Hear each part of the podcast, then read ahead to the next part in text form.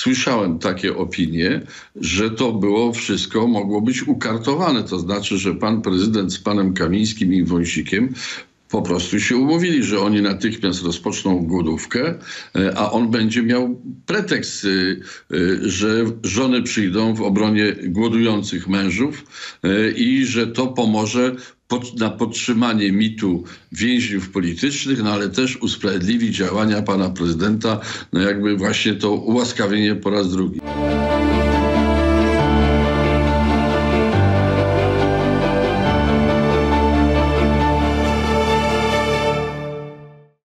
Państwa i moim gościem będzie teraz pan prezydent Bronisław Komorowski. Mam nadzieję, o właśnie, witam panie prezydencie, dziękuję za przyjęcie mojego zaproszenia i chciałem pana zapytać o jak pan ocenia szanse tych sejmowych komisji śledczej, nie tylko tej do spraw wyborów kopertowych, ale także tych dwóch pozostałych i być może kolejnych na wyjaśnienie różnych kulis funkcjonowania państwa rządzonego przez Prawo i Sprawiedliwość? Przede wszystkim witam serdecznie Pana, witam Państwa. Ja myślę, że y, te komisje śledcze sejmowe, one mają szansę na Y, na przebicie się do opinii publicznej pod warunkiem, że nic specjalnie ekscytującego współcześnie się nie dzieje, a dzisiaj dzieje się aż za dużo. Więc to na pewno może być przeszkodą, jeśli chodzi o takie mocne dotarcie do opinii publicznej. Natomiast niewątpliwie sejmowe komisje rzetelnie poprowadzone mogą przygotować y, nie tylko opinię publiczną do jakichś stanowisk, ale mogą przygotować stanowiska, informacje, która może być przydatna potem dla na przykład prokuratury. Mogą sformułować wnioski i wydaje mi się, że te komisje będą to mogły zrobić skutecznie, y, między innymi dlatego, że zmienia się sytuacja nie tylko w samej prokuraturze, ale i wokół prokuratury, bo wcześniej te same wątki, te same sprawy, te same skandale one nie były przedmiotem wnikliwego badania prokuratury, która była rządzona przez e, środowisko e, pisowsko pana Ziobry i jego formacji. Więc myślę, że tak, mogą te komisje śledcze sporo wnieść, jeśli chodzi nie tylko o naszą wiedzę o tych wszystkich problemach, ale również e, mogą sporo wnieść jako materiał istotny z punktu widzenia uruchomienia prokuratury. Wspomniał pan prezydent o tym, że zmienia się sytuacja w prokuraturze. No ona się zmienia w tym sensie, że jest nowy y, prokurator generalny, profesor Adam Bodnar, ale za to jest stary prokurator krajowy, pan Dariusz Barski, odziedziczony po y, Zbigniewie Ziobrze. I y, mamy w moim przekonaniu coś na kształt dwuwładzy w prokuraturze. Jak zdaniem pana prezydenta ten problem może być rozwiązany? No tak, ale jeszcze wracając do wcześniejszego wątku, wcześniej był i, i było jedynowładztwo w prokuraturze. Tak. I prokuratura właściwie nie tylko działała, ale często nie działała na zapotrzebowanie ośrodka y, y, dyspozycji czy władzy politycznej. Dzisiaj, jak sam pan zauważył, no tam są już różne wątki, różne mechanizmy i różnego rodzaju, powiedziałbym, dążenia samych prokuratorów tak samo. No przecież prokuratorzy też będą chcieli niektórzy skorzystać z tego, aby zachować się y, po prostu przyzwoicie, bez tego gniota czy nacisku y, politycznego, który wcześniej wywierał pan y, Ziobro. Mimo, że rzeczywiście struktura czy funkcja prokuratora krajowego jest jakby zabetonowana, jest, jest nie do ruszenia ta pozycja, ale inni prokuratorzy już prawdopodobnie będą chcieli skorzystać z, ze zmienionej sytuacji ogólnej w państwie polskim. No więc to, to tyle. Natomiast czy co z tym można zrobić? Według mnie yy, tu bez zmian ustawowych y, jest to, a zmiany ustawowe bez akceptacji prezydenta, czy z ryzykiem weta prezydenckiego, y, są nie do przeprowadzenia w tej chwili. Także przez ten okres do wyborów prezydenckich przyjdzie działać w takim jakim właśnie trochę duali, takim podwójnym systemie prokuratury, tak jak to się dzieje zresztą i w paru innych obszarach polskiego życia społecznego czy politycznego. No właśnie w tym kontekście chciałem pana prezydenta zapytać w związku z tym dualizmem, który nie kryje mnie bardzo niepokoi yy, i który chyba rzeczywiście będzie trwał przez najbliższe półtora roku. Chciałem zapytać o sytuację w Sądzie Najwyższym, bo tutaj też mamy w istocie rzeczy dualizm. Mamy dwie izby Sądu Najwyższego, chociaż część twierdzi, że jedna z tych izb jest nielegalna, no ale z drugiej strony, jeżeli ona jest nielegalna, to właściwie ile ma trwać ta nielegalność? No bo yy, na razie wygląda na to, że też do wyborów prezydenckich będziemy mieli do czynienia z sytuacją, w której w Sądzie Najwyższym będą działały struktury, które są zdaniem większości sejmowej nielegalne. Czy z tym coś da się zrobić do wyborów prezydenckich, czy też tak jak z tą prokuratorą nic się zdaniem pana prezydenta nie da zrobić?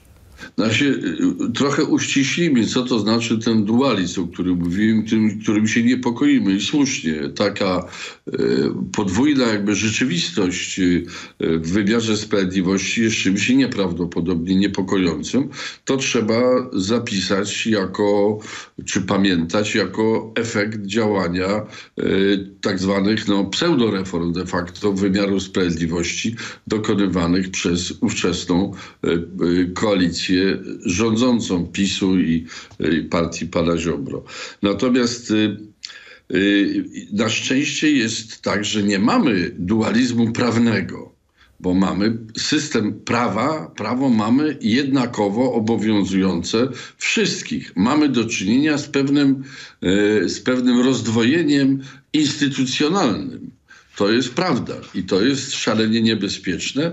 Y, to daje o sobie znać teraz przy prawda, kwestiach związanych z panem Wąsikiem i z panem Kamińskim, y, ze stanowiskiem, sporem o ich, o, o, o, o ich uwięzienie czy ukaranie, ułaskawienie i tak dalej, i tak.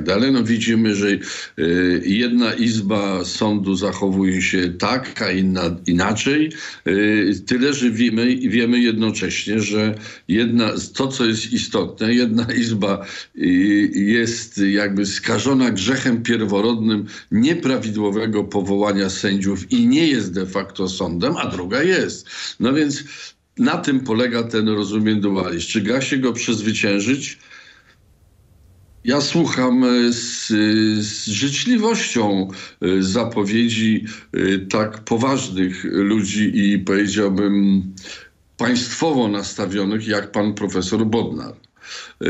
Słucham z największą życzliwością, że zamierza doprowadzić do pewnej sanacji sytuacji, ale przyznam się, że nie wiem, jak on to może zrobić i nie zmieniając y, y, ustawowo y, rzeczywistości w polskim wymiarze sprawiedliwości, w polskim Sądzie Najwyższym.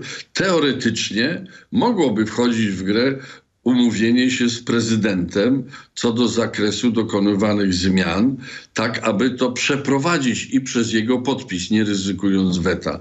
Ale wydaje mi się, że prezydent w ostatnim okresie no, raczej pokazał to, że będzie tych zmian, czy będzie te zmiany, których jest współautorem albo autorem, będzie bronił tak powiem, do upadłego, yy, stosując także i prawo weta.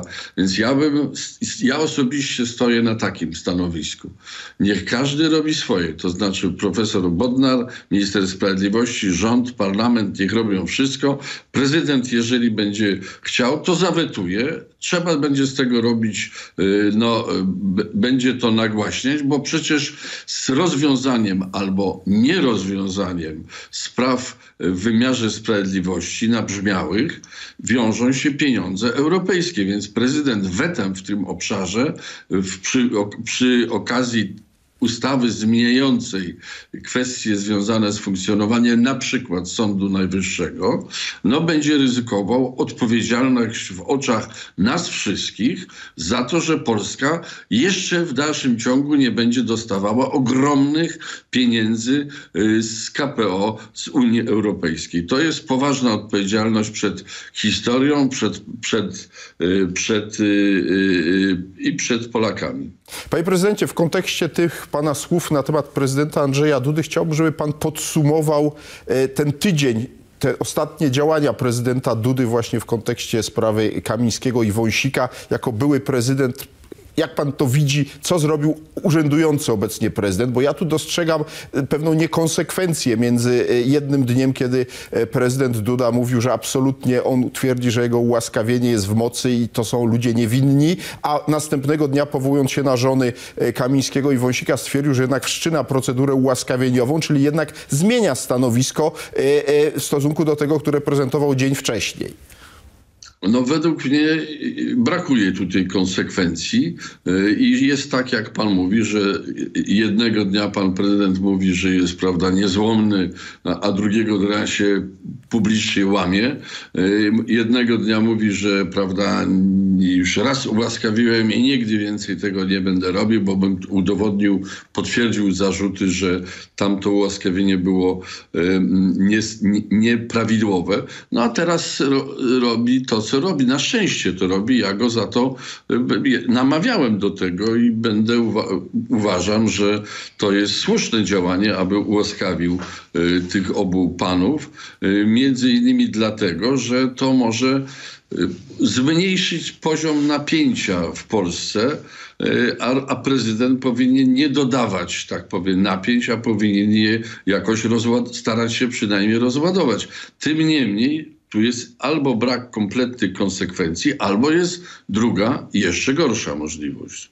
Słyszałem takie opinie, że to było wszystko, mogło być ukartowane. To znaczy, że pan prezydent z panem Kamińskim i Wąsikiem po prostu się umówili, że oni natychmiast rozpoczną głodówkę, e, a on będzie miał pretekst, e, e, że żony przyjdą w obronie głodujących mężów i że to pomoże na podtrzymanie mitu więźniów politycznych, no ale też usprawiedliwi działania pana prezydenta, no jakby właśnie to ułaskawienie po raz drugi.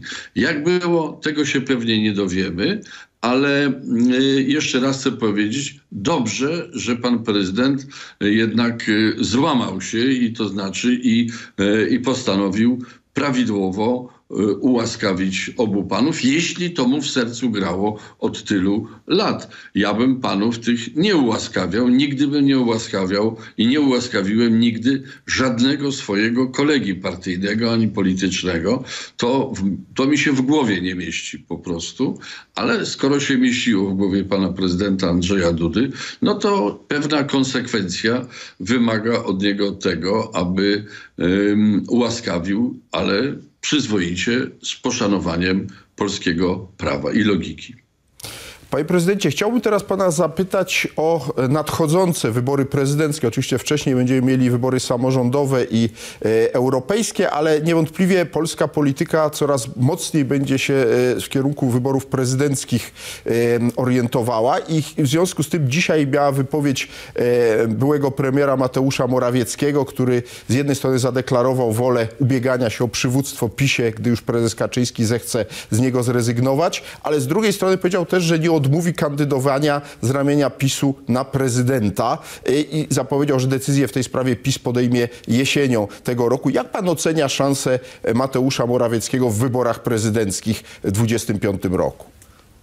No wydaje mi się, że to jest dowód na w sumie bardzo skróconą ławkę kadrowych możliwości Prawa i Sprawiedliwości. Y, y, jeśli, jeżeli rozważamy kwestię kandydatur w wyborach prezydenckich, no bo wystawianie byłego premiera tuż, tuż po zakończeniu przez niego w sposób no, kiepski raczej y, rządów, z ogromnym obciążeniem y, negatywnych skojarzeń, które on za sobą niesie, prawda, nie wiem, nie, y, małej, tak, użyjmy tutaj delikatnego sformułowania, małej prawdomówności czy wiarygodności na przykład, no to jest, świadczy o pewnej słabości tego środowiska. Więc mm, co jeszcze? No myślę, że jakiś to jest echo y, jakichś rozmów pewnie wewnętrznych w partii, Prawie i Sprawiedliwości, gdzie jest jednak po cichu, bo nikt tego głośno nie zrobił. Co też jest dziwną sprawą, ale nikt nie rozważał, dlaczego przyczyn klęski Prawa i Sprawiedliwości w wyborach w październiku. No bo przyzwoity wynik jednak, jeśli chodzi o efekty w ilości mandatów, no nie przełożył się na, nie przełożył się na kwestię utrzymania władzy. Więc pan Morawiecki jakby chyba y, nie, nie, potrafi odpowiedzieć niczego sensownego na podstawowy problem środowiska pisowskiego, to znaczy na brak tego środowiska, w tym środowisku zdolności znalezienia jakiegokolwiek koalicjanta. Oni nie mają zdolności koalicyjnej. Co się ujawniło, kiedy, prawda, tam takie były nie w, nie w porę zaloty do PSL-u, spóźnione yy, i absolutnie niewiarygodne. Yy, nie, więc nie sądzę, aby pan Morawiecki mógł odpowiedzieć na podstawowe nawet pytania o to, w jaką stronę powinien zmierzać, powinna zmierzyć partia Prawo i Sprawiedliwość. Co jeszcze? Yy, myślę, że ale to jest za tym się kryje jakieś pewnie przekonanie, że gdzieś e, PiS popełnił, prawo, PiS popełniła jakby grzech skrajności, uskrajniania, uskrajniania się, tak powiem, i populizmu, takiego radykalizmu prawicowego. Więc być może gdzieś tutaj zakryje się za tą decyzją wstępną pana Morawieckiego przekonanie, że jakimś urokiem politycznym może być to, że on sam no, nie uchodził wcześniej za człowieka skrajnego e, tylko raczej za takiego umiarkowanego. No ale to było w czasach, kiedy był doradcą Donalda Tuska, więc ja tego do końca kombinacji tej nie rozumiem i raczej traktuję jako zapowiedź, potwierdzenie z jednej strony tego, o czym mówił pan Mastalerek, jak rozumiem, w imieniu pana prezydenta, że Kaczyński powinien odejść z polityki, a z drugiej strony traktuje raczej jako zapowiedź kolejnej porażki Prawa i Sprawiedliwości, jeśli wystawi kandydaturę y, y, y, Mateusza Morawieckiego na prezydenta. Panie prezydencie, z całą pewnością Prawo i Sprawiedliwość ma ogromny problem i będzie miało z właściwym kandydatem dla e, swojej partii, dla swojego interesu na prezydenta, ale wygląda na to, że po drugiej stronie politycznej barykady też jest problem, bo w tym obozie, który dziś tworzy koalicję rządową, widać wyraźnie dwie postacie, które także sondaże to pokazują, e, które no, mają e, ewidentnie potencjał prezydencki. One się już starły zresztą w 2020 roku. Przypomnę, chodzi oczywiście o Szymona Hołownię i Rafała Trzaskowskiego. Gdyby pan prezydent zechciał ocenić szanse obu tych kandydatów i czy ta rywalizacja nie zaszkodzi, czy wręcz nie rozbije e, obecnej koalicji rządowej? Więc e, tu się zgadzam z panem, tylko, że tu też są pewne kłopoty, tylko to jest trochę, e, o ile w PiSie jest e, problem braku kandydatur, to tu jest trochę na zasadzie, jak to Francuzi mówią, embarade la richesse, czyli kłopot bogactwa. Jest, jest parę postaci takich mocnych, które będą na pewno chciały kandydować w wyborach prezydenckich.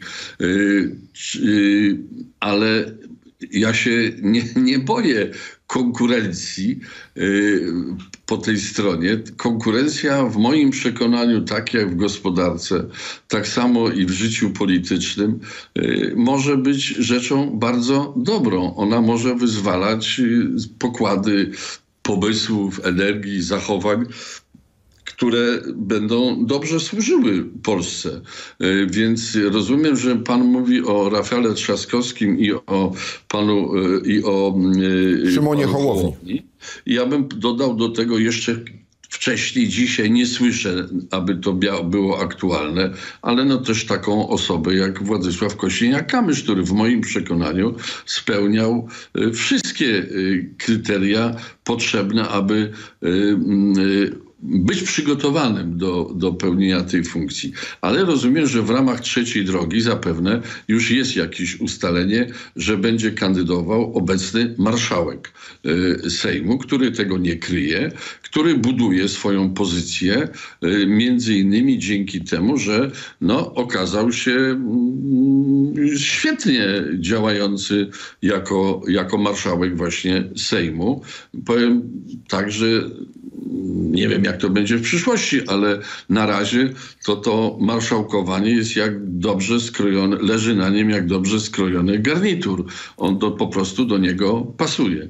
Y, y, pan Rafał Trzaskowski ma też swoje ogromne przymioty, aczkolwiek ma za sobą porażkę wyborczą, co też nie jest bez znaczenia. No tak, panie Jeżeli prezydencie, będą... tylko Szymon Hołownia ma jeszcze większą porażkę, bo do drugiej tury wszedł e, Trzaskowski w 20 roku, pokonując Hołownię. I w tym sensie ci panowie już się starli i Hołownia przegrał. Zresztą Władysław Kosiniak-Kamysz, y, którego ja bardzo szanuję za jego dorobek polityczny jego, y, że tak powiem, e, e, wizję polityczną, to jednak w wyborach prezydenckich w 20 roku osiągnął wyjątkowo słaby wynik i nie wiem, czy będzie chciał ponownie ryzykować swoją mocną w tej chwili pozycję w rządzie. Ale ja bym chciał y, o, o taką konkluzję pana e, prezydenta w tej sprawie poprosić, a mianowicie, czy pan, bo z tego, co pan powiedział, ja zrozumiałem, że pan się nie obawia, że rywalizacja E, Hołowni i Trzaskowskiego o to, który z nich e, wejdzie do drugiej tury wyborów prezydenckich, bo zapewne jednak to będzie w drugiej turze rozstrzygnięcie, e, że to zagrozi spójności koalicji. Tu się pan nie obawia. Nie,